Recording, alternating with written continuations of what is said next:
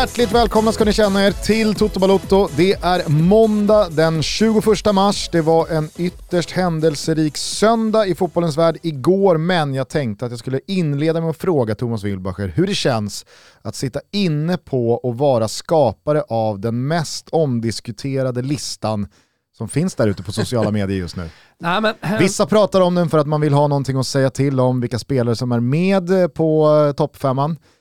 Andra pratar om den i termer av förstår du Toto-ballonlistan? Förstår du kriterierna? Förstår du statuterna? Men eh, vad fan, all press är väl bra press?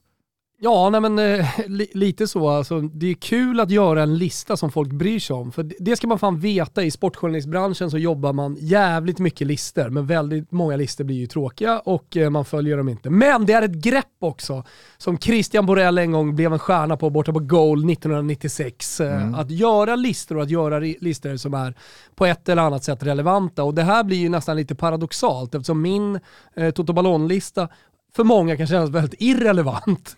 Men, men, men, samtidigt så pratar vi också om de bästa fotbollsspelarna i världen som ska kor... Eller pratar vi om det? Vi pratar om någon slags framtida bästa Jag vet inte längre.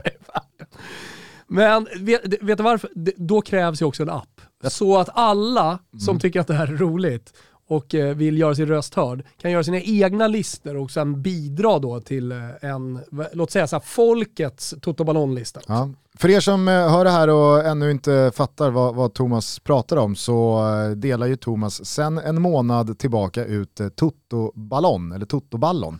Det är ingen riktigt som vet heller det är också hur, vi, hur, vi ska, hur vi ska säga. Där utifrån väldigt många oklara och uh, otaliga variabler singlas fram fem stycken fotbollsspelare som på något sätt uh, hör hemma på den här listan. Ja. Och jag gjorde verkligen ett försök att konkretisera vad den här listan är för någonting och hur statuterna ser ut. Vet inte om jag lyckas, jag känner inte det och nu när jag sitter här och tittar på dig så, så känner jag återigen hur min blick flackar och hjärnan går på högvarv. Men, men det var någon som skrev på Twitter som kom kanske närmast, eh, som menade på att eh, det, det, här är ju bara en live-odds-lista. Om jag hade jobbat på Betsson till exempel, eh, på oddsavdelningen eh, som oddsättare, så hade jag liksom sett på det på det här sättet. Men det är mer magkänsla än eh, statistik och eh, sådär. Så att det, det, är inte, det är inte heller helt rätt. Ja, det var... Nej, okay. Ska vi inte göra någonting som är väldigt konkret istället och bara kasta oss över den fotboll som har spelats i helgen och kasta oss in i Toto Balotto denna måndag? Ja men det tycker jag. Det finns en hel del att ta ner från inte minst eh, gårdagen.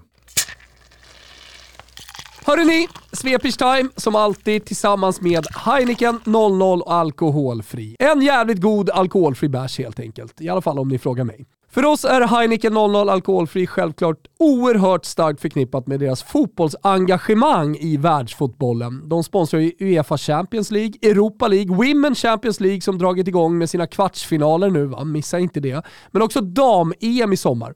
Nå, vad har hänt på fotbollsplanerna i helgen? Det undrar vi. Det är svepdags. Ta en god, kall, härlig Heineken 00 alkoholfri. Sug in svepet. Cheers to all fans. Vissla Kimpa! Men vilken helg, vilken helg hörni! Och då pratar jag inte bara om all den toppfotboll som spelas både i Sverige och internationellt, för hej, det ska sägas, vilken jävla helg det var. Men jag vänder mig även till alla ledare där ute, alla tränare, alla ideellt arbetande hjältar, men också alla grymma akademimänniskor där ute. Mjuka planer, underställ lämnade hemma, känslan av att seriespelet närmar sig, finslipade detaljer, allt det där va. Shootout till barn och ungdomsfotbollen som levt ett rent jävla helvete i två år. Kärlek till alla som hållit det vid liv, som kämpat och varit kreativa när våra händer och armar kapats. I helgen fick vi fan i mig betalt. Och vi behöver inget mer än det här. En upptinad fotboll, en grön yta och några jävla linjer och luften fri. Nu åker vi till Premier League! Och stolta, mäktiga, på nyttfödda renässans-Spurs med fotbollens da Vinci vid rodret. Bam! Ny seger i helgen. Kulusevski har hittat sig själv som en cowboy i San Francisco. Och nu jävlar ska de ge deras renässansvän från norra London en match om den där sista Champions League-platsen. En inspirerande seger mot West Ham är det jag försöker säga. Arsenal då, eftersom de är på tal. Jo de reste sig stolt efter förlusten mot Liverpool. Och Pontus Wernbloom, han failade direkt som ny expert borta hos Betsson. Se där. Annars blev det seger för Leicester mot eh, Ponnes Brantford och det får ju en att osökt tänka på Leeds som fått effekt på tränarskiftet. Ponne sa jag, visste ni att han har spelat flest minuter av alla spelare i Premier League? Ja, nu vet ni det. Jag tror det här så i alla fall. Vi säger så. Hörni, till Serie A där kurvor står barbröstade och sjunger för fulla muggar äntligen. Finns det något vackrare än en italiensk kurva i bar Uber? Låt mig tänka. Det är toppvackert och då har jag vägt in allt från Tussilagos i en solig backe till en passionerat samlag mellan två drömkroppar. Mot ligatiteln! Det är nog så både Napoli och Milan tänker idag, även om du inte får säga scudetto, för det är ju förbjudet. Men de tänker så. Det gör de efter två nya segrar. Lilla 1-0 för Rossoneri på Sardinien och en starkt Osimhen-präglad 2-1 borta mot jobbiga, ettriga Odinese för Napoli. Atalantas unge herr Mustafa Cissé blev avgörande och det är ju sannerligen en vacker fotbollshistoria. Dock inte lika vacker som ni vet vad. Precis. Barbröstat och så vidare. Nåja, i Genoa har båda stolta gamla klubbarna vaknat. Seger för Samp mot Venezia och Genoa lämnade kryssfesten och slog Torino. Blessin heter tysken. Salvezza heter målet. Är ni med? För det antar jag att ni är. Sassala mosade Spezia, Fio kryssade med mersmak borta mot Inter och Empoli och Verona delade också på poängen. Så till crescendot. Vincera! Ja, men det var ju precis vad Roma gjorde va? Avinto la Roma. Och det tog inte ens en halvlek att totalt pulverisera Lazio i Capitale-derbyt. Allt framför ögonen på prinsen dessutom. Wow Roma och wow Mourinho. Rätt man på rätt plats, låt oss vara tydliga. Det spelades El Clasico borta i Spanien och innan det hade Isak fått en kvart i det mållösa mötet mot Sevilla. Atletico hade vunnit borta mot eh, Vallecano och Betis, även de spelat en sällsynt trött match 0-0 i Vigo. Men El Clasico hörni, El Slactico som det numera heter. Ingen Benz och som någon skrev, kanske var hans frånvaro i ett söndertrasat Real Madrid det yttersta beviset på att just nu är han kungen av Toto Ballon och leder jakten på fotbollens finaste individuella pris. Barcelona Xavi är lika med sant. Eh, vilken match skapade himlen det blev! Man älskar ju att se dem spela fotboll. Tiki-taka 2.0 fotboll. Kraft, fart, muskler, taktisk briljans och teknik i kvadrat. Wow! Och hur jävla mycket älskar man inte Pedro, förlåt, Pedri, Pedri, Pedri! Otrolig spelare. Sedan har det ju spelats en massa annan boll. Svensk cup, turkisk boll, men vi sörjer på grund av icke-uttagning av Balotelli i Manchos trupp. Tysk framåtlutat anfallsspel med hålet tillbaka. Foppen mållös när Leipzig snubblade trots dominans. Bayern slakt av Union Berlin och en ny doppjätta av Leva. Och en fransk historia där ett totalt ointresserat PSG torskade med 3-0 i förstendömet. Ja, det sticker ut. Men det blir långt nu hörni. Vi ska in i avsnittet. Studsa Gugge, studsa! Ja, jag, jag trodde inte att jag skulle inleda med PSGs oerhört håglösa insats här mot Monaco. Men eftersom du avslutade svepet där så tänker jag att jag bara tar det direkt. Eh, hur många som såg det vet jag inte. Ligue 1 är ju en ganska avslagen historia vad gäller titelracet. Det sänds på Expressen och efter att PSG lämnade Champions League så blir det ju lite som att deras säsong också dör för alla oss utomstående. Sorry. Nu mötte man Monaco på bortaplan, man torskar 3-0. Och det kan man väl göra, det är väl kanske inte så konstigt att liksom en, en pyspunka efter ett sånt där uttåg mot Real Madrid leder till någon torsk här och någon torsk där. Men sättet som PSG och spelarna uppträdde på under den här matchen och i synnerhet matchens inledning, det var fan bland det värre jag mm. sett mm. när det kommer till liksom håglöshet, likgiltighet, hur totalt man bara sket i det. Eh, så att, eh, det, det, var, det, det, var, det var en sån här insats som fick mig att eh, tro att det här eh, lever nog ganska farligt det här projektet. För jag kan inte tänka mig att killen Mbappé springer runt här nu i, eh, PSGs tröja under våren och känner nöjd, att och här ska jag nog stanna kvar. Nej. Utan han vet nog att min Vad framtid, min framtid finns i Real Madrid, min framtid finns i Spanien. Jag har gjort det jag har kunnat här vi gav det ett par bra försök att vinna Champions League, men Kylian Mbappé har ju PSG såklart att tacka för jättemycket. Han har lyft titlar, han har utvecklats till en av världens bästa spelare. Han har övervunnit Frankrike, men nu är det dags att liksom lämna. Mm. Eh, jag tror att eh, Neymar, som nu börjar få ganska mycket kritik och eh, jag tror efter den här senaste vinterskadan igen så tror jag nog också många börjar konkret ifrågasätta huruvida han kan studsa tillbaka och bli liksom mm. En, en eh, bärande nyckelspelare. Han fan fyller ju 30 år. Mm. Jag har väl fyllt 30. Och jag, alltså, så som jag känner brassar på den sida 30-strecket, ja det brukar ju inte, det brukar inte vara allt för pålitligt eh, att luta sig mot rent fysiskt. Och så Messi, Alltså för varje match som Barcelona spelar som de gör och för varje match som PSG spelar som de gör. Alltså jag kan bara tänka mig vad Messi kände igår kväll när domaren blåste av El Clasico och Xavi och Piqué och gänget eh, kramade om varandra efter 4-0 på Bernabéu mm. och eh, drog in luft i lungorna om att fan nu är Barca tillbaka, nu, nu kommer det en eh, jävla spännande framtid här. Mm. Eh, så det, det, var väl bara en kort reflektion kring eh, PSG. Jag, ja, jag, jag behöver jag, nog inte säga så jävla mycket nej. mer heller, utan eh, det, det, det är ju väldigt mycket som du säger, alltså, det är en liga som har det var pinsamt att se i alla fall. Det, så där får man inte bete sig. Mm. Eh, det, är väl, det, är väl, en sak eh, om, om eh, något lag bara ballar ur, men när spelare som har 3, 4, 5 miljoner kronor i veckan beter sig sådär. Alltså de ska vara glada att de var på bortaplan och att deras ditresta inte var av sådär jättestor styrka. För är det någon gång ett bortafölje ska kräva tröjorna av eh, sina spelare, Ta av er tröjorna och skicka upp dem på läktaren mm. för ni är inte värdiga att bära dem. Och sen får så hade se, det varit igår. Så, här, så får man ju se om de skickas tillbaka. Så kan det vara ibland. Mm. Att så här, jag, jag, förstår ju vad du menar, men, men att eh, de kommer upp på läktaren för att ge en present typ. Okej, ni får i alla fall våra tröjor. Det kanske finns ett värde att ha Mbappés tröja. Men eh, har du sett när, när det har skett? Jo men det har ju skett sådana scener och sen skickas de tillbaka. Ja, jag vet. Vi vill inte ens ha dem. Vi vill inte ha dem. Ni förtjänar dem inte, Nej. men vi vill inte vi ens vill ha inte heller ha dem. Så då åker är tillbaka. ultimata förnedringen. Ja, lite så. Jag blev lite full i skratt här för att jag kom att tänka på, kommer du ihåg Kasper Hemmeläinen? Ja. Eh, finnen som var i Djurgården oh. i ett par säsonger och sen lämnade för Polen. Tror han lämnade för Lech Poznan. Säkert. Eh, och så kommer jag ihåg någon intervju han gjorde, kan ha varit i offside, kan ha varit någon annanstans, men där han då berättade om det stora hatmötet som jag eh, tänker spontant är mot Wisla Krakow. Mm. Eh, och eh, så hade de förlorat eller om de var inne i en riktigt liksom, eh, dålig, eh, oacceptabel förluststreak. Och så berättade då Kasper Hemmerleinen i den här intervjun att till slut så hade då Ultras-gubbarna fått nog. Så att de stannade bussen. jag borde inte skratta. Jag borde verkligen inte skratta åt det här. Men det är så liksom absurt att det är, det är, det, jag kan inte hålla mig. Nej. Eh, så att de, eh, de eh, får bussen att stanna på någon parkeringsplats. Och någon topdog eh, får liksom det förklarat in i bussen att eh, ni ska ut här nu, för vi ska spöa på er.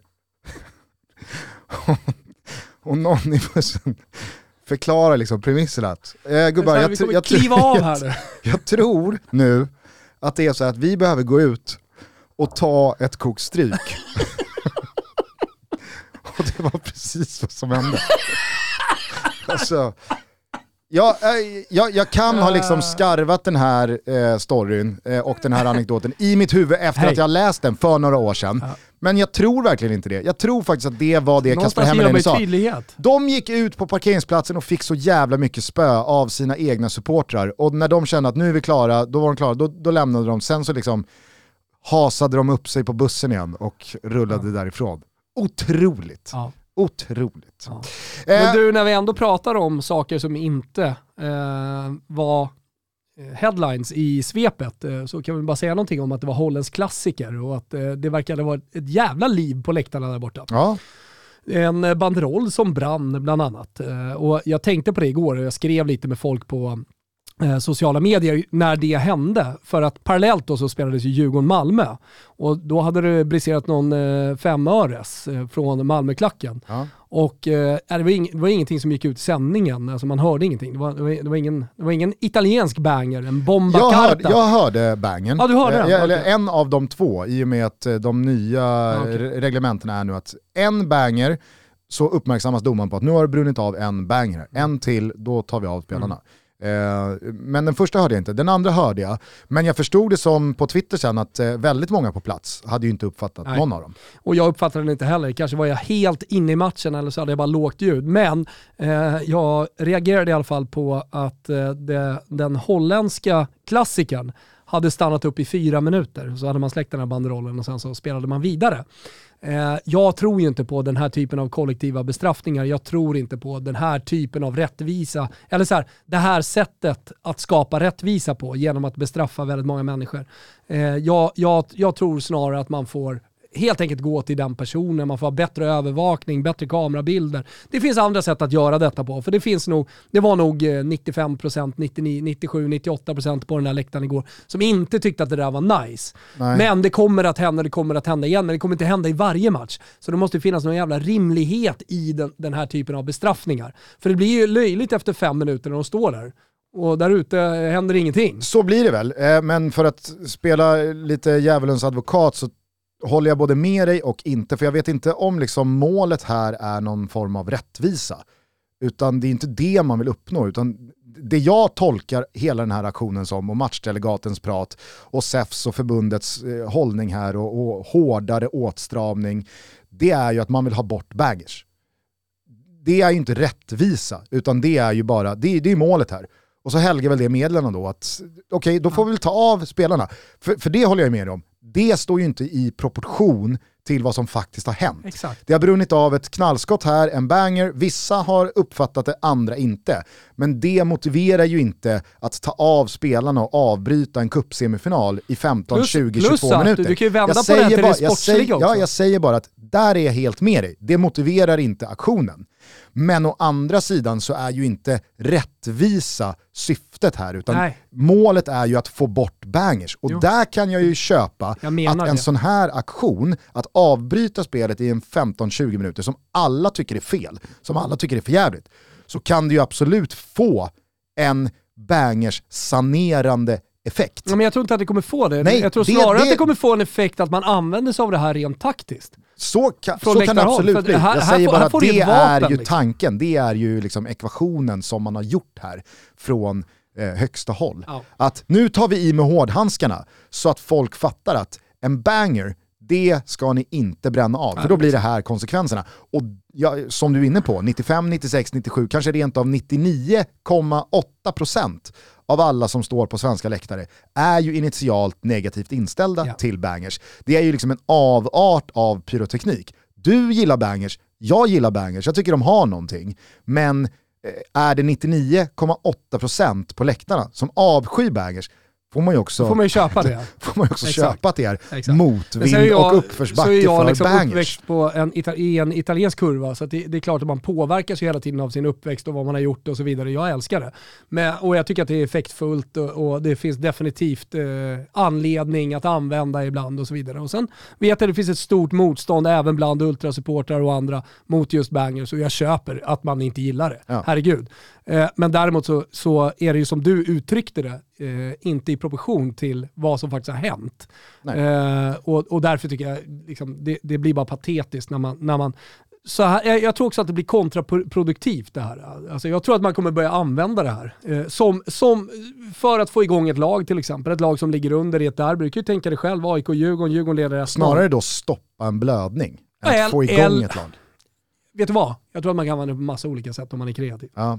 Men eh, alltså, så här, jag förstår hur du tänker, men jag tror också att ett sån, en sån här åtgärd, de här orimliga proportionerna, att så många blir så jävla förbannade på att en person med en banger gör så att en match pausas i en kvart, 20 minuter, en halvtimme, mm. kommer ju också göra att folk på läktarna kommer, in, kommer inte kommer se inte med blida det. ögon Nej, på exakt. de som skickar in det. Och då vet Tror de, jag hörde ett ut med packet igår. Alltså fullt, alltså här, fullt det, logiskt. Det, det, det, det, det kommer nog liksom vändas emot. Ja. De personerna, kanske till och med att någon skickas ut.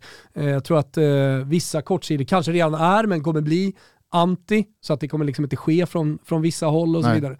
Så jag vet inte, det kanske får de effekt i slutändan. Kanske jag som är dum här då. Men jag, jag, tycker, jag tycker i alla fall att det blir konstigt igår. Mm. Ja, nej, men jag kommer ihåg när eh, Malmö i någon eh, Europa-höst, om det var ett kval eller om det var ett gruppspel eller vad det nu var, när det eldades ganska mycket på Malmös kortsida mm. och då Uefa i och med att de har en mycket hårdare eh, inställning till pyroteknik än vad det vanligtvis, i alla fall tidigare, har varit i, ja. i Sverige, då avbröt matcherna. Och så vill jag minnas att Johan Dalin och ytterligare någon till verkligen liksom lackade på liksom sina egna då supportrar. För att alltså, vi är i ett bra momentum här i matchen. Vi har dem på gaffen, vi har trycket. Då gör de här bengalerna att nu bara tappar ja. vi det och så kan de samla sig. Alltså det blev en het diskussion. Jag minns de här bilderna så väl, hur Johan Dahlin står och liksom pekar med fingrarna mot tinningen att så här, tänk lite nu för fan, vi vill inte att den här matchen ska avbrytas. Han tänkte era jävla puckon! Ja, men, och då Kom ble... inte här och fördärva!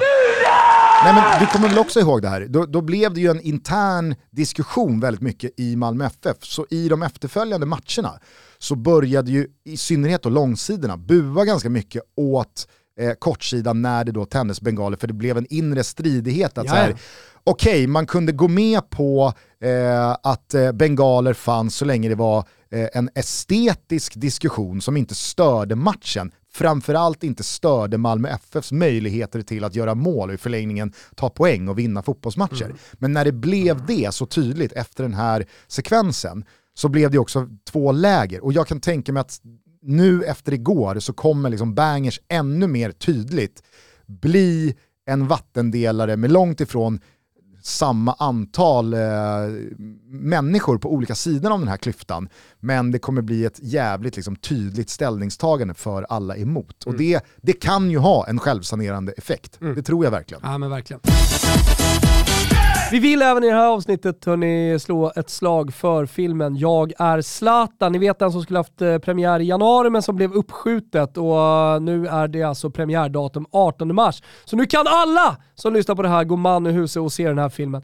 Den är otroligt bra. Skådespeleriet, genuina, eh, scenerna från Rosengård, fotbollsscenerna. Det handlar alltså om tiden från när Zlatan var liten grabb och eh, stal eh, cyklar i Rosengård hela vägen upp då till eh, den här historiska flytten till eh, Ajax. Eh, fantastiskt eh, skådespeleri, otroligt manus såklart, men fint också producerat av Fredrik Heining, Frida Bargo och Mattias Norborg. När vi var och såg den här på förhandspremiär i januari med många av våra lyssnare, då blev det lite snack efter i grupper och vi, vi stod och snackade lite av filmen och jag, jag märkte på många att de nästan blev positivt överraskade, som att de hade haft låga förväntningar. Nu höjer jag den förväntansbilden eh, lite grann här.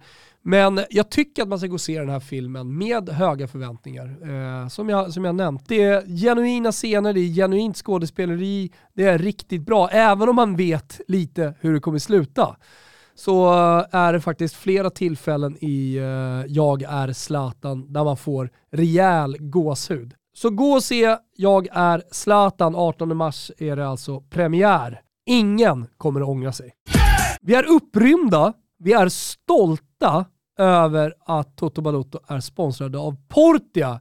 Klassiga, stiliga herraccessoarer sedan 1924. Känn lite på det årtalet. Känn lite på stil, klass, känn lite på Portia. Ni som gillar att dressa upp er lite, ni ska ha riktigt bra grejer.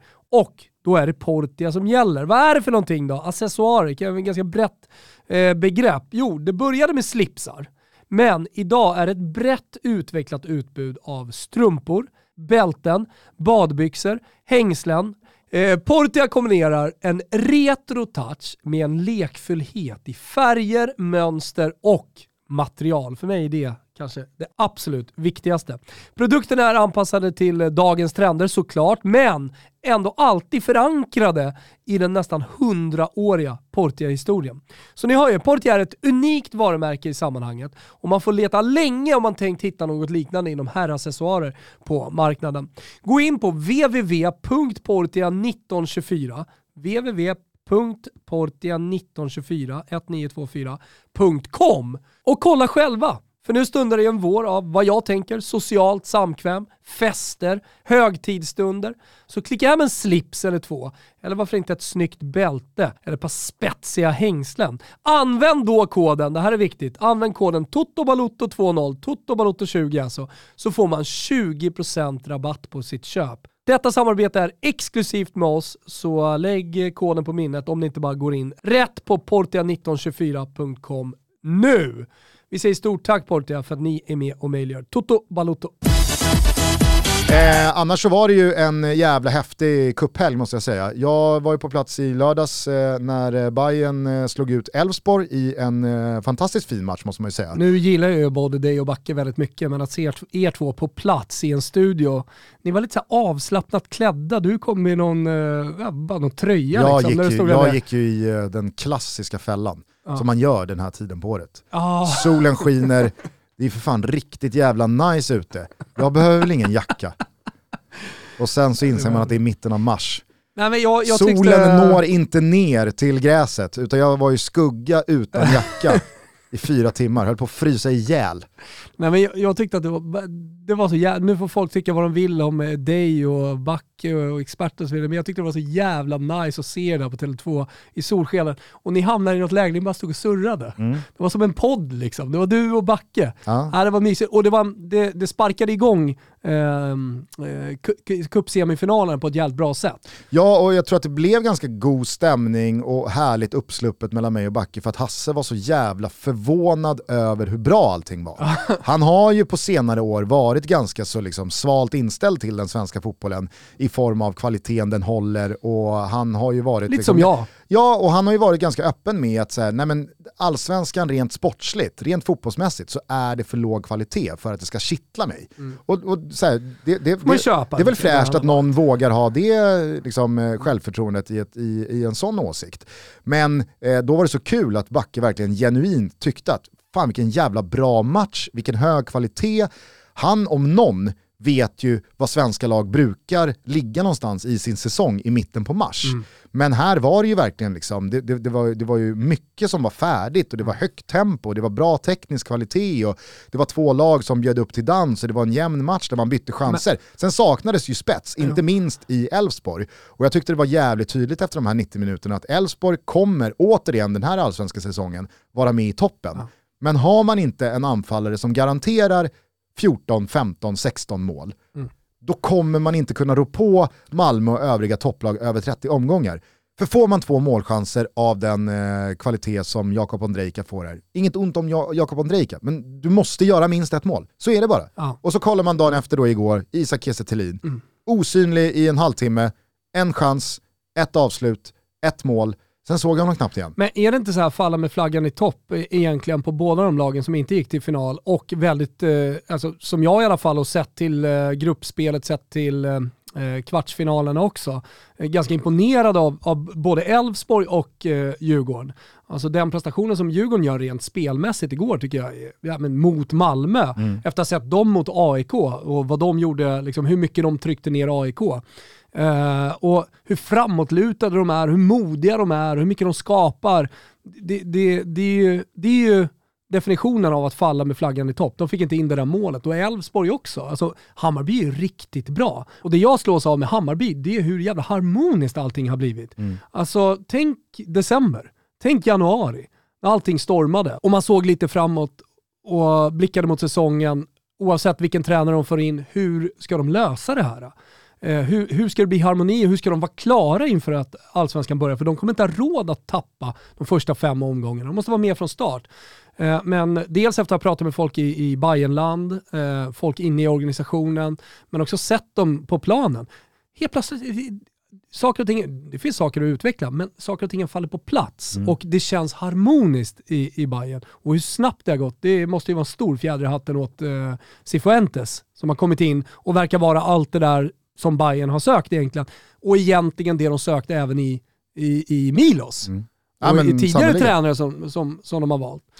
Ja, och det är ju tvivelsutan så att eh, Cifuentes ganska så snabbt har blivit en eh, supporterfavorit. Han verkar göra det mesta rätt. Eh, jag såg att Jesper Jansson dök upp på, det var inte Dickens utan Pelikan efter matchen och drack bärs med supportrarna. Alltså det är också ett så här move som är helt rätt i det här läget när man Ja, återigen har avancerat till en cupfinal. Han känner ju bara det. Han tänker inte att åh, vilket rätt, rätt move det är. Jag kommer hamna på bilder. Han känner ju bara jag vill, ha, jag vill fan jag fan skapar det här laget. Jag värvar de här spelarna. Och sen kanske det inte är så att det var hans gubbe Cifuentes. Han kanske hade valt någon annan som första gubbe. Vad vet jag? Men det spelar ingen roll. Han kände det här är mitt lag och det ska han fan få känna. Och då är det gött att gå och dricka bärs med och få lite ryggdunkar av Ja, och jag tycker också att Bayern verkligen eh, behövde göra värvningar av Nahid Besara och Loret Sadikos snitt. Alltså en sån typ av värvning. Etablerade spelare som kan gå rakt in i de här lagen och hålla en kvalitet direkt. Allt behöver inte vara Amo-figurer, eh, allt behöver inte vara Odilon-figurer som har en enorm potential men värvas i stor utsträckning för att just krängas av på den potentialen. Sen så är det väl bara en bonus om det blir ett halvår eller ett år av riktigt hög kvalitet, som det, har blivit, som det blev i båda de fallen, kanske framförallt Amo. Men de värvas ju för att de ska få sin speltid, de ska visas upp och de ska säljas för så mycket pengar som möjligt. Det kan ju absolut ha sina effekter på ett negativt sätt på laget och spelet man vill bygga, i synnerhet när man då har en ny tränare återigen som ska implementera sina principer och sin spelfilosofi. Det är därför det känns så jävla ja, men, solitt att ha tagit in så rutinerade och etablerade spelare som Nahir Besara, som Loret Sadiko, alltså som kan gå in i det här laget och bara liksom, det är det här, det, är det här vi ska göra. Mm det här är min roll, jag har gjort det här förut, ge mig bollen, inga problem. Mm.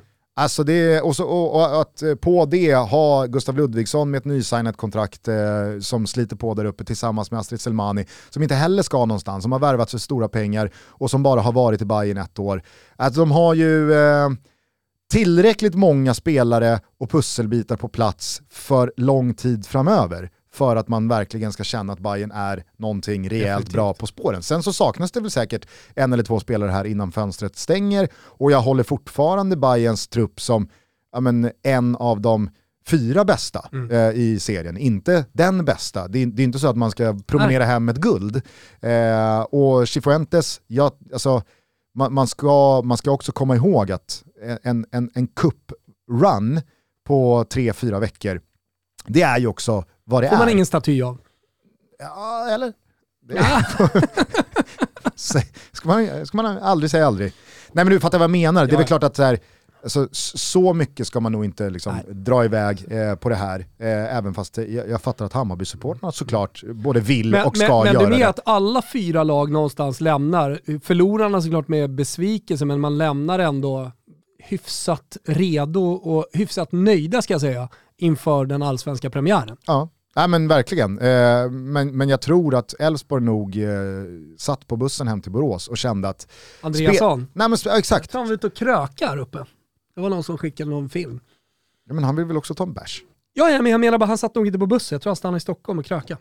Okej. Okay. Ja. ja. Jag bara säger det. Ja, han var ledig på söndag. Ja, ja exakt. Ja. Kul för han Stefan. Han satt inte på bussen, det är bara det jag säger. Nej, nej. Okay. Men de som satt på bussen i alla fall tror jag kände lite det jag resonerade kring. Att spelmässigt så kan vi mäta oss med eh, alla topplag i den här serien. Och på konstgräs, eftersom det är väldigt många matcher på konstgräs hemma som borta för Elfsborg, så kan de hävda sig mot allt motstånd. Men man kan inte lämna en match mållösa när man skapar så många bra lägen som Elfsborg gjorde i den här matchen. Och det kostar. Det kostar 10 millar att ta in någon som förvaltar de där lägena, som behöver en och en halv chans för att göra ett mål och som när vi summerar Elfsborgs säsong står på 18 gjorda. För då mm. kan faktiskt Elfsborg, med lite stolpe in och med lite marginaler eh, och med en bra run och att man får hålla sig skadefri och sådär. Det är väl klart att de kan gå hela vägen då, men inte med den effektiviteten, eller snarare ineffektiviteten man sitter inne på nu. Eh, I Djurgårdens fall, då känner jag bara så här, för jag vet inte om du såg intervjun med Haksabanovic i halvtidsstudion yeah. där med Pintorp. Han var väldigt tydlig, han var, han var märkligt tydlig med att eh, jag ska spela till vänster. Mm. Och då tänker jag bara, okej, okay, vad, jag vet. vad händer då? Då ska det vara eh, Edvardsen då centralt. Eh, det, det, det, det finns ju bara liksom det kvar. Det måste hända. Eh, och då så ska Wickheim inte spela, eller så ska han spela och så får man flytta på då Haris Radetinac, som jag kanske tycker är den viktigaste spelaren. Mm. Den kanske faktiskt också bästa spelaren. Ja. Den kanske största supporterfavoriten mm. också. Mm.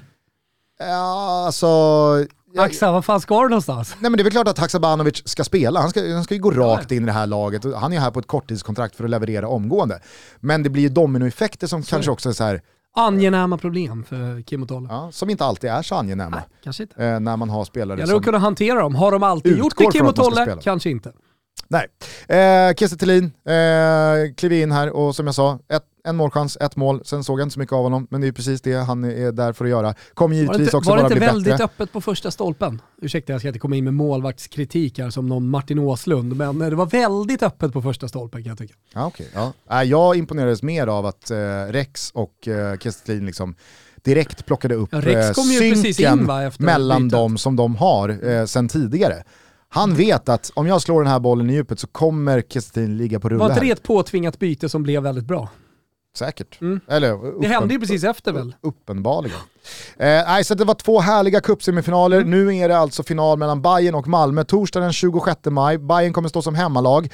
Och jag såg att eh, folk redan har börjat skriva upp det här som kanske den mest intressanta och delikata cupfinalen eh, jag kanske någonsin, i alla fall i den eh, moderna formen av kuppen. Med tanke då på Zlatan Ibrahimovic inblandning i Bayern så som han lämnade Malmö, eller så som han brände broarna till Malmö, kanske vi ska säga, med Milos Milojevic som eh, lämnade Bayern i vintras och hux flux dök upp i Malmö. Att det har varit eh, den här liksom moderna rivaliteten de två emellan. Jag, jag har full respekt för, och jag tycker själv inte, om jag nu ska vara någon slags jävla rivalitetsmetrolog här eh, och, och, och dela ut någon eh, treårsprognos, jag utgår från att Malmö FF-supportrar känner starkare ri- rivalitet till både IFK Göteborg och eh, AIK och Djurgården. Eh, och jag utgår från att Hammarby-supportrar håller Stockholmsrivalerna och kanske till och med IFK Göteborg också som en eh, värre rival än Malmö FF. Men sett till ur den här väldigt färska kontexten med då Zlatan som Ja. centralpunkt Huvudingrediensen. ja, i det här så vore det ju, det, det, vore, ju- det vore ju häftigt eh, du vad som hända i den här att se? Zlatan efter 38 serieomgången pipa hem, sitta på läktaren och eh, eventuellt då fira ett eh, cupguld med eh, Bayern eh, på samma Men arena vet, som då... vet du vad som kommer hända i den här Nej. matchen? Nej. Att det, den ena eller den andra sidan kommer i något läge utnyttja två bangers. Ja. Det, kommer hända i den här matchen. Ja. Vi kan utgå från att bangers kommer brännas av Ja, på den här cupfinalen. och, och det kan man inte veta innan vem som kommer utnyttja den här lilla delikata eh, grejen. Jag ska bara se här. Milan spelar alltså sin sista match den 22 maj. Eh, det betyder att eh, det finns all tid i världen för Zlatan Ibrahimovic eh, att hitta hem. Ser för övrigt att de möter Sassuolo i sista omgången, kan ju mycket väl inte ha någonting att spela för. Samtidigt möter Inter, Sampdoria och Fiorentina. Jag har ju fan bokat flyg till den ju. Möter ju Juve i sista omgången. Nu, nu är jag liksom såklart väldigt, väldigt långt ut på realismens... Vänsterflanken. Nej, Ah, jag på... trodde du skulle komma ut som kommunist här. nej, nej. Nej, det nej. är inte idag. Det håller jag för mig själv. Ja. Eh, den, den realistiska liksom, eh, skalan här, Mm. det här är oerhört låg sannolikhet på. Men det finns ju faktiskt. Mig veteligen har ju Zlatan inte förlängt något kontrakt än med Milan. Ja, spelar Ja, finalen? li- hear me out. hear me out. Om det nu inte förlängs eh, en, eh, ett kontrakt, låt säga att Zlatan kanske med Maldini och övrig sportslig ledning har sagt om vi vinner, vilket jag ändå ger dem eh, favoritskapet eh, numera, det Ja. sa jag redan för några veckor sedan, du vet, eh, när vi snackade där efter eh. Madoninan, Mm. att eh, nu är det nog Milan som sitter i det här förarsätet. Det. Jag tror att om Milan vinner, då har Zlatan spelat sin sista match för Milan. Så borde det verkligen vara. Mm.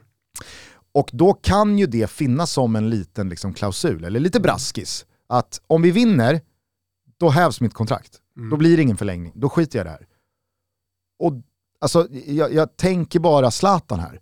Borde inte han då, om det går att lösa, som kontraktslös, vilja reggas för Bayern och vara... Ja, alltså- Vinna dubbeln. Serie A och Svenska cupen. Återigen, aldrig någon gjort. Till alla som sitter och skakar på huvudet. Jag vet också. Vi, pratar, vi pratar promille här. Vi pratar absolut promille i Men någon om typ det av händer, då ska vi glädjekalkyl. fan ha sagt det i Toto. Då har vi gjort Exakt. det. Och jag, jag, jag, jag ser ju det som fullt realistiskt att Milan 1 vinner scudetton. 2. Om nu Milan vinner scudetton så ser jag det som fullt realistiskt och rimligt att Zlatan då har gjort sitt i Milan. Och har då Zlatan gjort sitt i Milan så ser jag det som fullt rimligt att man då bara häver kontraktet så att han inte står under avtal med Milan från och med måndag den 23 maj. Och står han utan avtal när han då har varit med och vunnit en Serie A-titel bara timmar tidigare, så är det ju bevisligen en ganska duglig fo fotbollsspelare som är i fysiskt slag. Och då kan ju det absolut vara så att Zlatan tänder på idén att vara en del av den matchtrupp som ska Alltså, spela cupfinal mot Ja. Malmö FF. Absolut, det, det, det är sexigt och det pirrar till i pungen. Men det som kommer hända... Svänger här från eh, promilles sannolikhet till Ja, det- se det- hända. Det, det, det finns eh, såklart eh, viktiga parametrar att ta in här. Alltså det ena är ju, kommer Sverige gå till VM? Om Sverige går till VM, när vet vi det? Den 29 mars. Sent på kvällen 29 mars. Snart. Men det förutsätter ju att vi till att börja Jag med tänker- slår checken på torsdag. Jag tänker att om Sverige går till VM så vill han hålla sig eh, på den absolut högsta nivån och att det då kanske bara är en tidsfråga innan han skriver på med Milan. Annars kanske han vill vänta, men jag tror ändå han kommer skriva på för ett år till så länge kroppen, det inte händer någonting med kroppen. Så länge han känns fräsch i eh, slutet av maj också. Ja, han då tänker jag en hel sommar framför mig. Jag tror att han kommer skriva på ett år till och det är ju det som rapporteras från eh, italienskt håll också. Men då Ett säger år vi så här då. Sverige bränner VM och Milan vinner scudetton. Då, in, då, då ingår Zlatan i Bayerns matchtrupp i cupfinalen. Ja, vi får se.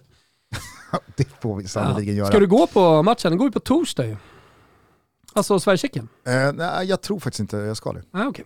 Synd. Ja. Ja. Mm, gått ihop. Min eh, svärmor fyller år, Aj, så att, eh, tror jag ska titta på matchen med Aj, aj. henne. ja, ja. Och då knäpper jag på. Simor för att eh, det är där man ser upplösningen av det här VM-kvalet, såklart. Jajamensan, inte bara Champions League, Serie A, La Liga, all jävla hockey, svensk hockey. Hockeyallsvenskan SHL går in i viktig fas här nu också. Utan eh, även alltså Sveriges otroligt viktiga match här mot Tjeckien. Eh, kul det ska bli. Mm. Och vi får ju på torsdag in eh, Pontus Wernbloom i studion. Precis, då ska vi göra ett gästavsnitt med sedan. som ni kommer höra på måndag. Förhoppningsvis då mitt emellan playoff-semifinalen och playoff-finalen. Men alldeles oavsett hur det går för Sverige så går det ju dessutom att följa den oerhört intressanta upplösningen för Portugal och Italien. Som om de bara gör sitt i sina respektive semifinaler, alltså möts i en playoff-final eh, om en plats i eh, Jag läste en rubrik, eh, tror det var i en italiensk tidning där Fernando Santos, alltså Portugals förbundskapten, eh, säger att eh, vi vill också till VM. Och då var det som att så här, eh, Italien, budskap från eh, Portugal-håll här, de vill också till VM. Åh fan! det vill ni ja. Ja, han vet verkligen hur Ja, man bygger fan. stämning, Jag, Fernando jag, Santos. tycker att det är lite tråkigt på ett sätt att de två ska mötas i den här playoff. Jag vill ha båda till VM. Ja. Men det var det är också. Ja, framförallt, framförallt så får fan Italien Ja, skylla de sig själva. Och det pratade vi om senast, så Jag det orkar jag inte gå in på nu. han tog ut 33 spelare, eh, Mancho. Sen har ju några blivit skadade, som alltid händer. Säger väl en del om Balotellis samling sist då, Ah, Så när han tar ut 33 och Ja, han jo. Helt plötsligt är petad igen. Ja. Eh, skitsamma, eh, på tal bara innan vi kommer in på de stora matcherna, vi ska dit, ja Derby della Capitale men kanske framförallt El Clasico, så måste jag bara säga på tal om det här, att stora lag eh, dras mot varandra. Eh, fa Cup-semifinalerna lottades ju igår efter att Liverpool hade slagit Nottingham eh, i den sista kvartsfinalen. Och det blir City mot Liverpool i eh, fa Cup-semifinal, strax efter att man då har mötts i den där seriefinalen den 10 april eh, andra sidan här av eh, landslagsuppehållet. Så att eh, det, det, det blir ju en ruskig vår här för Liverpool mot Manchester City, för Manchester City mot Liverpool i den här, på tal om då nya moderna rivaliteter. Rent eh, historiskt så har väl inte Liverpool och Manchester City alls uppringat samma rivalitet som Liverpool gentemot framförallt då Manchester United men andra storheter också. Eh, men rent sportsligt de senaste 4-5 åren så är det ju de två som verkligen har brutit sig loss från till att börja med Chelsea, Manchester United, Arsenal och, och, och, och Tottenham. Då. Eh, Pep Guardiola har pratat om Liverpool som en pain in the ass, eh, Klopp har eh, varit där eh, och både lyft och eh, gått med på det här gentemot Pep och City, att man sporrar varandra, man får inte slappna av en enda procent. Alltså jag, jag tycker att det verkligen har någonting att de springer in i varandra även här nu i en fa Cup semifinal. Och att det blir lite El Clasico-vibbar där från 2011, fan det är 11 år sedan, när då Real och Barca möttes fyra gånger på bara två veckor. Det var Copa del Rey-final och det var Champions League-semifinal gånger två och det var ett liga El Clasico. Alltså att det blir nu City-Liverpool, eh, för de kan ju också mötas i en Champions League-final. Jag säger inte att jag, jag, jag föredrar det, jag vet inte riktigt vad jag föredrar eh, i en Champions League-final. Men hade det blivit så att City och Liverpool också möts i en Champions League-final, ja, men då, då, då har vi en eh, otrolig vår utifrån de två lagens eh, perspektiv Sorry. framför oss. Mm. Verkligen, verkligen. Det är jävligt kul också att det blir så. Kan jag tycka. Att man kommer alltid någon gång under en säsong i någon stor liga in i de här sjoken när de bästa lagen möts i ja, men typ cup och det blir dubbelmöten och, och sådär. Ja, jävligt kul. Hörni, Toto Balotto är återigen sponsrade av Max, Sveriges godaste burgare. Det vet ni om. Och vad vore våren om inte Max satte upp en riktig kanonburgare på menyn? Givetvis ganska grå och dassig såklart. Därför är det otroligt kul att Pepper Jack and Chili nu är här. Och nu undrar ju ni såklart, vad är det för smarrigt mellan brödskivorna på Pepper Jack and Chili? Ja, men lite kan ni nog lista ut själva. Till att börja med är det inte vilka brödskivor som helst. Det ska faktiskt sägas. Det är Max legendariska friskobröd, såklart. Men sen är det Pepper Jack-ost, picklad röd chili, ja men lyssna på här, sweet onion, sallad, chili majonnäs. Hör ni hur det vattnas i munnen? Mm. Sen är det som alltid så att man hos Max väljer ifall det ska vara svenskt nötkött av högsta kvalitet, grillomi, eller den plantbaserade varianten som jag märker växer hos folk, plant beefen. Va? Och den här kampanjburgaren, Pepper Jack and Chili, finns bara under en begränsad tid. Ja, men ni vet ju med de här extremt goda, härliga kampanjburgarna att det gäller att passa på. Och hörni, den och självklart allt på hela Max-menyn är givetvis även klimatkompenserat till 110%. Så vi säger varmt välkommen Pepper Jack and Chili och varmt välkomna tillbaka ner i Toto-båten Max. Tack för att ni är med och möjliggör Toto Balotto. Eh, med det sagt då, ska vi ta oss till Santiago Bernabéu igår kväll där alltså Barcelona fullständigt asfalterade Real Madrid med 4-0. Det var betydligt närmare 6-0 än 2-4. Eh, det var ett Barcelona som eh, ja, men sköljde över, forsade över, svämmade över hela jävla huvudstaden och eh, imponerade på ett sätt som eh, jag eh, inte trodde var möjligt. Eh, I synnerhet inte efter att vi har suttit här och lovordat Barca väldigt mycket eh, under den senaste tiden, med all rätt. Det här var någonting annat. Sen vet jag också att Karim Benzema saknades, att Mondy saknades och att man, man var ju i ett märkligt läge inför Mm. den här matchen. Jag pratade med Vicky Blomé om det här i Fotbollssöndag Europa-studion igår, att det är ju speciellt att leda en tabell med inför då gårdagen 10 poäng. Mm. Det stundar ett landslagsuppehåll där man ska få slicka lite sår och repa sig lite fysiskt. Man saknar sin absolut viktigaste offensiva spelare. Alltså, jag hade förstått om Real Madrid igår eh, hade mött, eh, ska vi säga, Valencia Mm. Och torskat med Mm. 1-2 för att man gör en slätstruken insats, man kommer inte upp i nivå, man lägger inte ner arbetsinsatsen, man tar inte de där extra metrarna. Det, det hade funnits en jävla rimlighet och logik i det, i Mm. hur jag vet hur en säsong ser ut för ett lag som har de marginalerna ner i tabellen Mm. Inför ett landslagsuppehåll. Men med tanke på att det var ett El Clasico så känner man ju så här, ja men det ska väl inte betyda så mycket att Benzema är borta som det uppenbarligen gjorde i hur det såg ut i attityd, karaktär, Ja, frågan är om man hade spelat, om vi slutar skämta och blir lite allvarliga. Alltså hur, vad, vad hade ändrats i Real Madrid om Benzema hade spelat? Ja, förmodligen så hade man ju spelat med 11 spelare, för nu var det som att Carlo Ancelotti, alltså Han glömde Ro- bort Rodrigo den. må Ja. ha ersatt Benzema i liksom pappret Mm. På startelvan. Men jag tror de hade förlorat spelar- lika stort. Jag alltså, vet, men det var ju, alltså så här, vad var det för gameplan av Ancelotti? Nu Han skiter vi bara helt. i Benzema, vi trycker upp Modric och Kroos, ni får sätta in första pressen. Eh, och när vi vinner boll, hmm, vad gör, vad gör vi då? Eh, men vi spelar väl som att Benzema spelar fast han inte är där ute, så att det är bara tomt längst fram centralt. Mm. Rodrigo, du kan väl flytta runt lite där ute till höger så får vi helt enkelt se om vi kan skapa Klart man någonting börjar utifrån fundera det. lite på om Ancelotti har tappat det.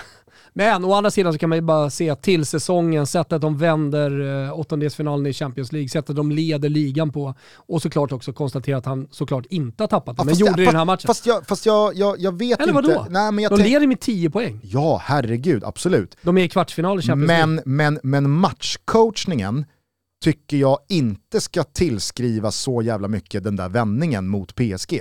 Alltså det blir ju ett momentum men som svänger över till till- 110% Jo, men när ska du när det där målet kommer och så saker? kommer 2-1 direkt och så bara liksom så, så skriks det ju in 3-1 direkt. Alltså, Jo men det där tycker jag ofta är ett problem. Så att man, man, man kan välja lite själv när man vill tillskriva en tränare en seger eller en förlust. jo jag säger bara att blev inte Ancelotti och Real Madrid fullständigt avklädda i Paris? Jo.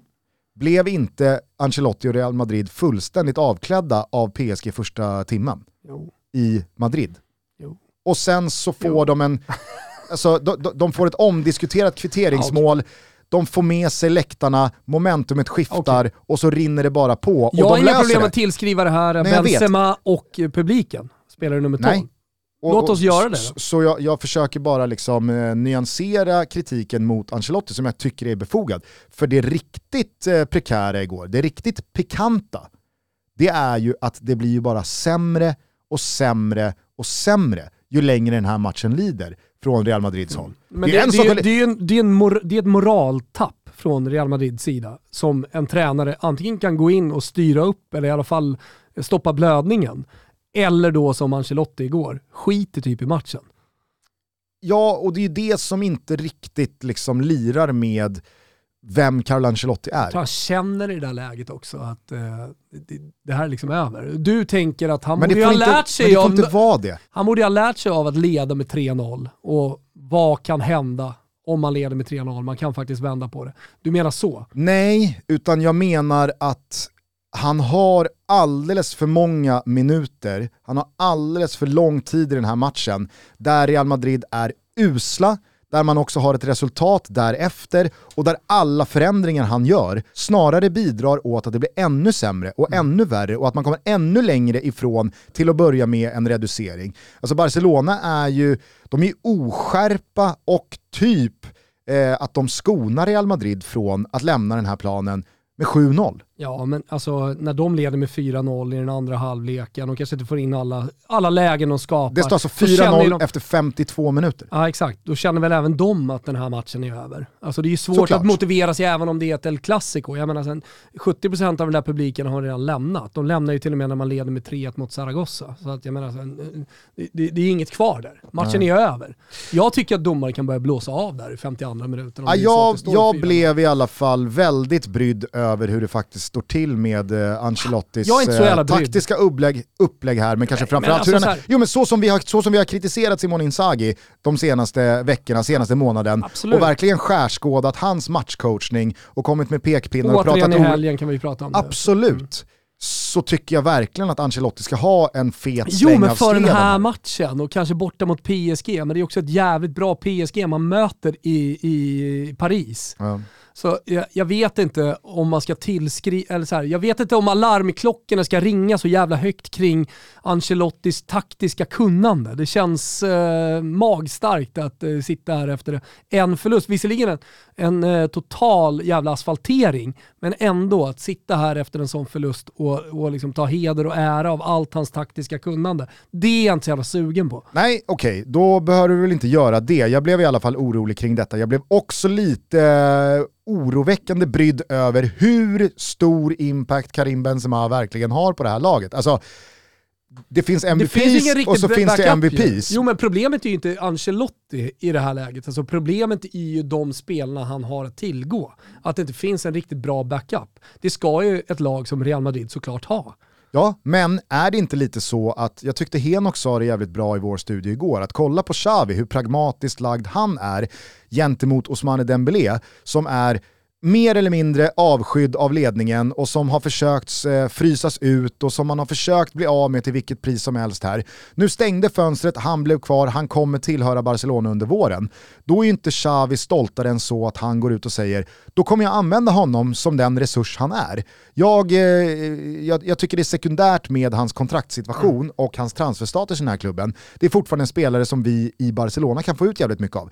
Real Madrid sitter ju inne på två sådana spelare också i Eden Hazard, kanske framförallt Gareth Bale. Jo, om nu Ancelotti... Bale, ska vi prata om Gareth Fast Bale om Ancelotti nu vet hur jävla sköra Real Madrid är utan eh, Karim Benzema. Hur mycket man står och faller med honom. Och han är 35 år gammal. Det är kanske är värt att liksom påminna Carlo om, som verkar bli lite trött i mössan där, att Karim Benzema kan du inte få 55 gånger 90 minuter var från. Nej. Och är det då så här års, i mars, april, så att man saknar Karim Benzema, ja men då kan, då kan det ju inte innebära att man fullständigt klappar ihop som ett jävla korthus. Nej. Då kanske man faktiskt måste svälja stoltheten och ge Bale 20 minuter här, en halvlek där, en start mot Cadiz där och en start mot Elche där. Så att han är redo att täcka upp för Karim Benzema när han väl Absolut. saknas en eller två matcher. För Luka Jovic verkar ju uppenbarligen vara, äh, han är ju, han är ju bara för dålig. Nej men exakt, och han skulle, ju, han, han skulle ju vara den backup och kanske framtidsman som tar över efter Benzema när hans tid är över. Och jag vet inte, från Real Madrids håll kanske man såg den liksom tidigare. Men jag tror att ingen såg Benzema flyga på det här sättet som han gör nu. Leda Toto Ballon-listan och, och, och liksom skjuta dem mot titlar. Nej. Men, men, men, eh, men det, det, var ju en felrekrytering av Luka ja. Jovic, men det, det, har man ju också haft tid på sig att åtgärda. Mm. Så jag, jag, tycker att väldigt mycket landar på, på Real Madrids sportsliga ledning. Men de verkar ju leva ett eget eh, vad ska jag säga, så här, en, en parallell värld. Ja. Alltså så här, ja nej men vi tar Mbappé i sommar och sen så vinner de ändå ligan. Eh, alltså så här, de är ändå tunga. De är i kvartsfinal i Champions League, skulle mycket väl kunna gå till en semifinal och sådär. Alltså, och kanske till och med till en final. Alltså, de är ändå tunga trots att de saknar pusselbitar i lagbygget. Trots att de saknar en bra ersättare jo, till Benzema. Absolut, men sen så måste man komma ihåg då, i den här ligatiteln som man kommer vinna mm. den här säsongen, så ligger det ju givetvis också väldigt mycket av att Barcelona var skit under hela hösten. Vill du sätta en Atletico eh, Madrid... skaldjursplatå på att eh, Barcelona, om du tar Real Madrid jag Barcelona. Eh, I vad? Alltså, jag, jag säger att Barcelona vinner La Liga. I år? Ja. Sätter du emot?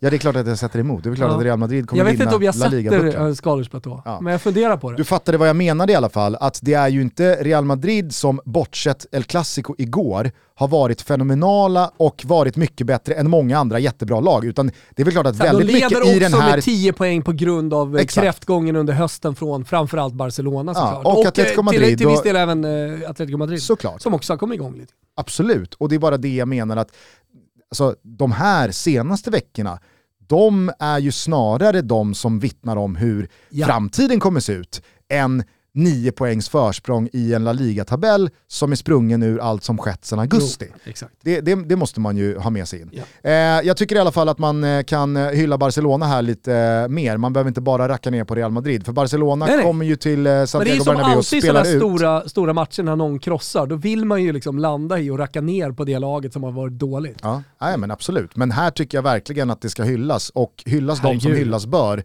Alltså, Aubameyang. Pe Aubameyang, Pedri, Osmane Dembélés eh, en mot en förmåga, det, det, det, det finns eh, absolut många sekvenser i spelen som han brister i. Men när det kommer till att slå sin gubbe och piska mm. in en boll med kvalitet, mm. Alltså när han spelar på den här nivån och när han är i det här slaget, då är, det är inte många ytterbackar i världen som kan stoppa honom. Sen så kanske inte en felfotad Nacho är det svåraste och tuffaste bytet eh, som kan ställas mot eh, Dembélé. Men skitsamma, gör det otroligt bra. Jag tycker Frenkie de Jong gör en fantastisk match i en framskjuten eh, position. Jag tycker att Ter Stegen och Piqué och Busquets eh, spelar med en sån jävla trygghet och tyngd i den defensiva centrallinjen. Jag tycker Erik Garcia gör sin bästa match i Barcelona-tröjan, som jag i alla fall har sett.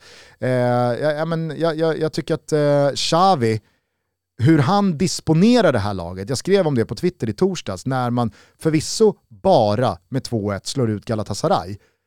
Tar sig vidare liksom så här så mycket som man behöver. Mm. Man, behöver Nej, men inte, alltså, man, jag- be, man behöver inte åka till Turkiet och spela ut och vinna med fem Nej. bollar. Och Jag, jag, jag tycker att det är en sån jävla bra färdighet som en eh, topptränare ska ha. Alltså, Exakt. vi har pratat om Jürgen Klopp som har det. Och att Xavi redan så här tidigt eh, un- under sin era, för jag tänker att det ska bli en era här nu med Xavi, visar prov på dels att göra spelare bättre individuellt, alltså att spelare får självförtroende, spelare maxar sin talang och även då eh, lösa rotationerna. Mm. Så han får hela truppen nöjd. Det, det, det tycker jag liksom borgar för att, eh, att eh, den här eran nu som har inletts av Xavi kommer bli jävligt framgångsrik. Ja. Nej, det, är- det, det, Sen vet man inte vad de här 12 miljarderna eller om det är 10 miljarderna och skulderna. Så här. Det känns ju som att det spelar ju ingen roll längre. det, är, ju- det, är ju, det är ju ett parallellt universum. Exakt, det är nästa parallella följa. universum. Ja, exakt. Ja. Så länge de är på plan så Mm. är det en del av detta nya Barca.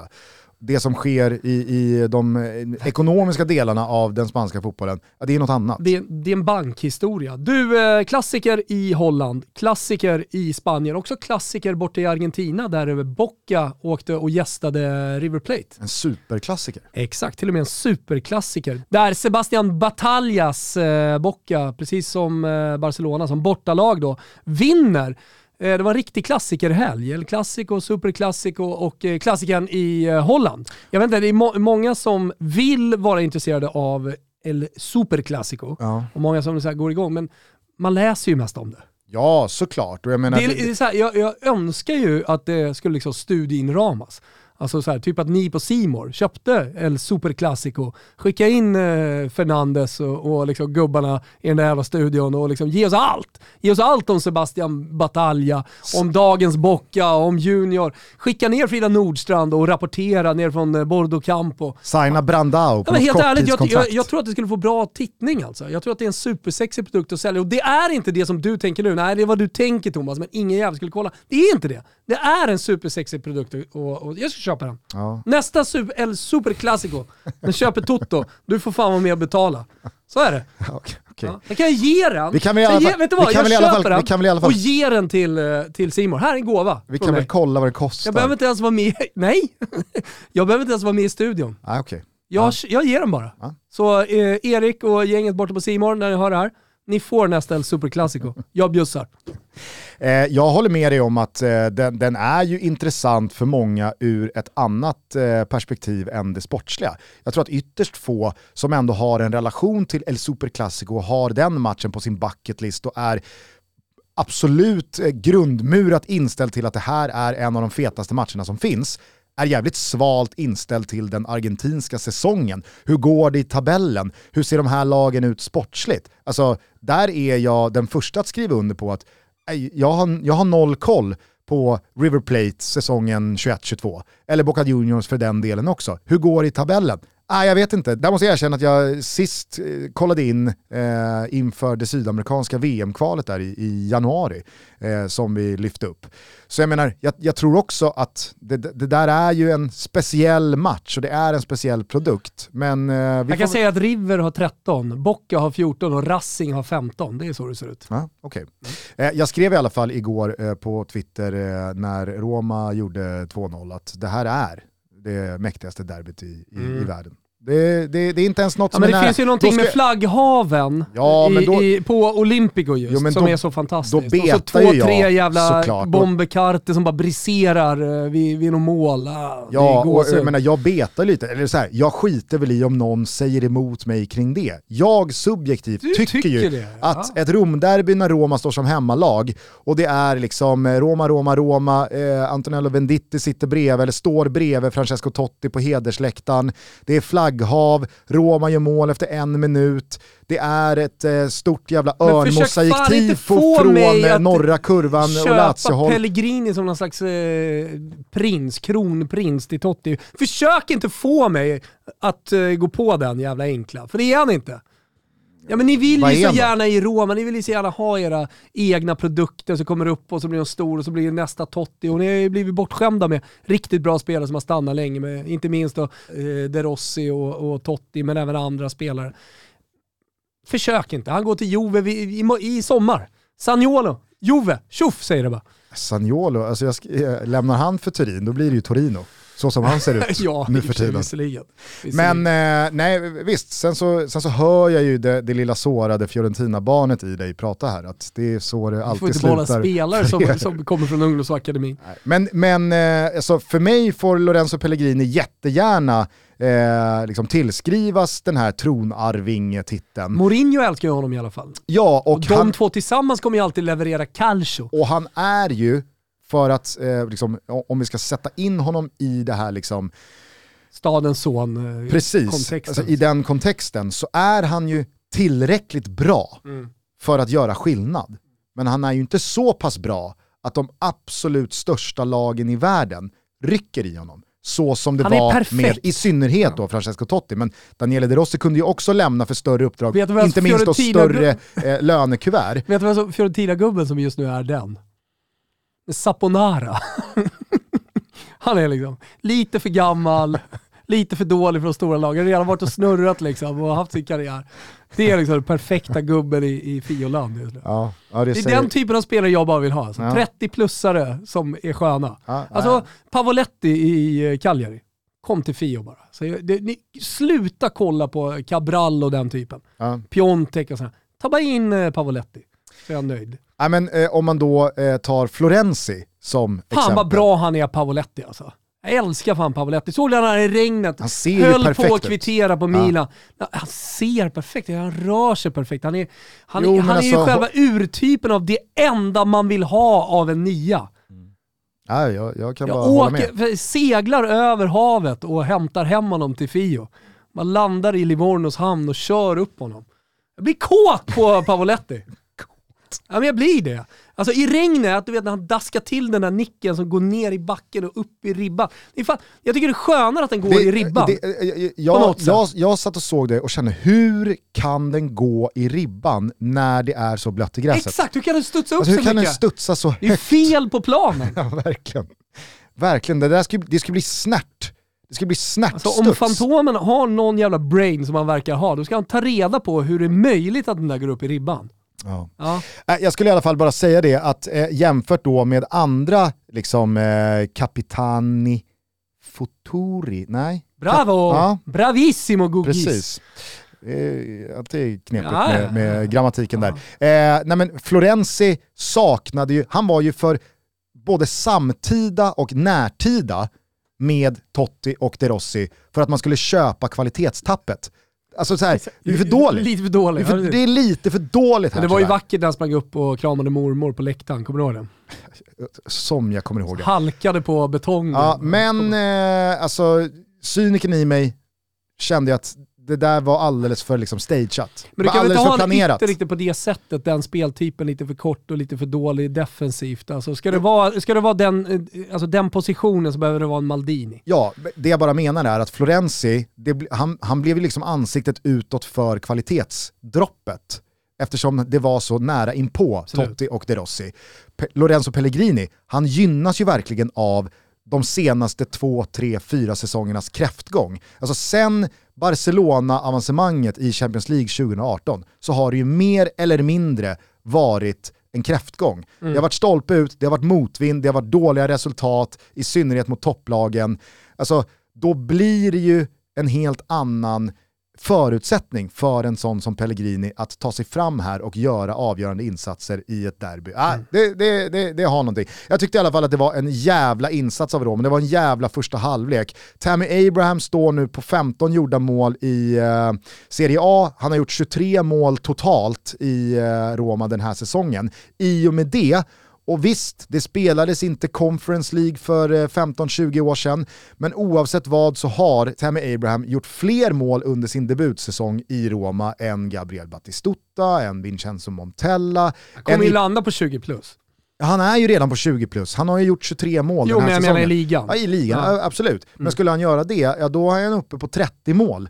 Och det är ju fantastiska siffror. Ja. Vi ska komma ihåg, även fast han hämtades in för enorma pengar ur ett italienskt perspektiv, det var ju Serie A's dyraste värvning i mm. somras, så var det ju en anfallare som ganska många var ganska skeptiska till, i synnerhet liksom Premier League-runket som menade på att ja, men han är inte bra nog för Chelsea. det de säger nu är ju att backarna är för dåliga i Serie A. Såklart mm. de gör, men äh, alltså, jag har sett många spelare, inte bara britter, det, det har inte varit Carlos överdrivet Tevez är ett många. jättebra exempel som pratade mycket om det, att det var väldigt svårt att komma till den italienska ligan. Precis, och det är ju inte bara de som kommer från England som har det svårt i Nej. Italien, utan det är ju många Mm. som behöver ett Och eller vice två. versa också. Ibland Alltså, ska, tre år för Ska gudarna att... veta att komma till Premier League är inte så, så Nej, nej, nej, nej, absolut inte. Om man inte är Kulusevski då. Men jag tycker verkligen att eh, Tammy Abrahams säsong förtjänar dels en landslagsplats, Mm. som han då inte har Nej. fått från Inte Gareth Tomori Southgate. heller. Vilket också är Mm. sjukt. Det räcker med en gubbe i Serie A. Eh, men eh, eh, att Tammy Abraham ska hyllas även utanför Italien, det, Ja. det, det, det hoppas jag att folk är med på. Ska För han gör en otrolig, otrolig jävla säsong. För folk som inte har koll på Pellegrini, för det misstänker jag att inte alla har, så har han alltså 8 plus 4 som central mittfältare, han är 25 bast. Så se lite upp, säger jag bara. Mm, Han kommer ju också- få erbjudanden som är högre än vad Roma kan erbjuda. Absolut, men jag tror Så han också... kommer ju hamna i liksom en Totti-situation. ja, och där tror jag att han känner sig ganska trygg. Så 8 plus 4, det är, det är nummer alltså. Då hade han ju en, eh, en, en jobbig period där i, i sent i höstas när han Exakt. var borta en del också. Eh, men jag, jag, jag skulle bara landa i det, att jag tror att eh, Pellegrini är ganska trygg i att jag ska stanna i Roma. Mm. Han har ju pratat väldigt, väldigt eh, ömt och kärleksfullt om att Och han har ju sin landslagsplats jag och förstår allting. Roma, Mm. jag är en av supporterna. Det, det, det är inte alla som förstår vad det här är. Och jag är i mitten av det, jag får ha lagkaptensbindeln runt armen. Mm. Jag är precis där jag ska vara. Så jag hoppas att han också inser att han har att han tjänar ett större syfte i Roma än vad se. väldigt många andra gör. se. Det var i alla fall en jävligt stor derbyseger. Det känns extremt länge sedan Roma spelade ut, vann stort. Det var fullsatt på läktaren i princip. Eh, det var Roma, Roma, Roma, det var Grazie Roma, Ja, ja. det var Mai Solamai. Alltså, det var Ja, Antonello fattar. Venditti bredvid. Totti. Som väl, om jag har förstått det rätt, genomgår en skilsmässa här nu från Illari. Mhm. Mm. Tycker det syns lite på påsarna under ögonen. Mm, det, finns en, det finns en mörk... Liksom, så här, Det finns en- en mörker över Totti. det, finns, ett, det finns ja. en mörk... Nu Lite blek också. jag vet inte om du har hängt med i liksom, det populärkulturella kring Eminem. Han har ju haft det jävligt jobbigt med, med droger och rehab och Det- sådär. Det ska du sannoliken veta att jag inte har. Nej, men släng på en hoodie-luva på Totti så finns det, liksom, det finns en mörk Eminem-energi Ah, okej. kring Totti rent estetiskt just nu. Men rent sportsligt betyder det här mycket också. Eh, Roma går upp på femte plats, eh, inte för att de ska ha någonting att göra med eh, fjärdeplatsen, men man har ändå en utstakad väg här mot Europa League. Ja, och det är ju en tabelltopp i Serie A som vi har varit inne på många gånger senaste fem sex veckorna är hyperintressant. Nu tappade Inter två nya poäng, Juventus vann det i Derby d'Italia i början av april. Milan, alltså jag sa det och du hängde med mig där när vi satt och rabblade spelscheman och du brasklappade lite i och för sig att eh, Inter också eh, har ett, ett gynnsamt schema. Men så som de sjabblar och så som de slarvar och så som de håller på att skita ner sig. Alltså Milan, jag säger inte att de inte imponerar, för det gör man ju när man vinner tunga uddamålssegrar vecka ut och vecka in. Men det är ju ingen bländande fotboll. Det, det, det, Ja, ibland är det det. I sju av 90 minuter. Ja, Man har ju lite problem med Salimakers alltså. Det är, så, det, är så, det är också så roligt att Milan så tydligt eh, skickar Salimakers till vargarna här i sommar. Du har ingenting här att göra. Nej. Men nu får fan Zlatan kliva in i det här Ja, laget på det riktigt. tycker jag också. Men han, Det- vet du vad han kan börja med att göra?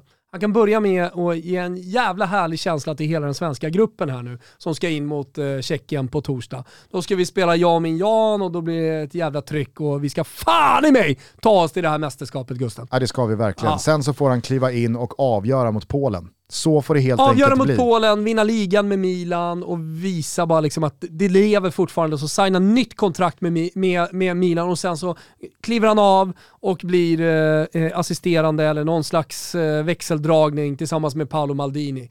Och eh, så är det en jävla Milan-era som Jag vill ju på. såklart gärna ha VM-platsen, men jag är ju mer taggad på att han vänder hem och kritar ett korttidskontrakt med Bayern inför cupfinalen mot Malmö Men det, 26 han kan göra både och också. Ja absolut, men nu la vi, vi la ju pusslet att löser Sverige en VM-plats så, så kommer han ju såklart förlänga med Milan och eh, Fast jag tänker att han kan ju vänta till första juni och göra det. Så, så får han åka Ah. iväg, Ah. lira, alltså han maximerar fotbollsupplevelserna här. Så han, han lirar både kuppen och signar nytt. Fan, där har vi nöten Gusten. Vi kom Ja, på det, slutet kanske. av avsnittet. 1.15 har vi varit igång, kanske lite mer. Kanske lite mer. Vi gör i alla fall så att vi hörs igen en kort snabbis torsdag morgon inför Tjeckien eh, playoff-semifinalen. Det gör vi. När vi då eh, utgår lite utifrån vad Janne och gubbarna har sagt på presskonferenserna. Vi kommer ju Vi eh, spår lite i kristallkulan vad gäller startelvan, vi ger ytterligare lite förutsättningar när man har satt tänderna i det tjeckiska laget. Vad händer egentligen med Patrik Schick? Är han med eller inte? Vi får helt enkelt se och sen så hörs vi efter Tjeckien-matchen på fredag morgon och på måndag om en vecka, då får ni ett rykande färskt gästavsnitt signerat Pontus Wernbloom. Otroligt. Då Vilken ska- vecka Då vi har ska vi prata hans hyperintressanta karriär. Jajamän. Och det där bröllopet, hur var det med Fribar? Det är klart att han ska få frågan. Ja, det kommer han få. Eh, ta hand om varandra till dess att vi hörs igen. Ciao tutti! Ciao tutti. Cosa sei per me? Spiegarlo non è facile. Una parola sola. Tu sei la Roma. Sei il primo gioco che facevo da bambino e che ci gioco ancora. Tu sei la Roma. Ricordo che quando ero ragazzino Sognavo di essere Agostino dare un calcio alle paure. Ci sono stati giorni amari che ci avevo solamente te e poco altro per star bene. C'eri tu e qualche amico in più quante volte in un tuo abbraccio ho preso coraggio.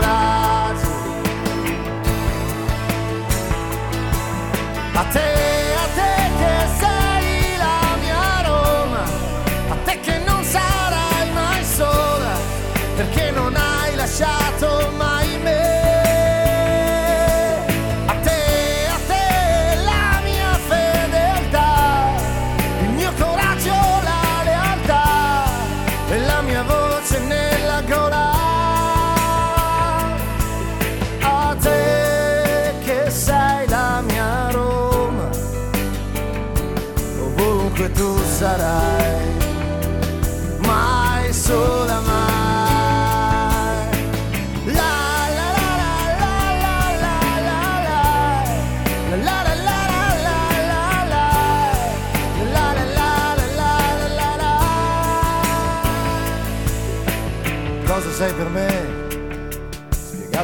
Facile Se ciò che mi consola Tu sei la Roma.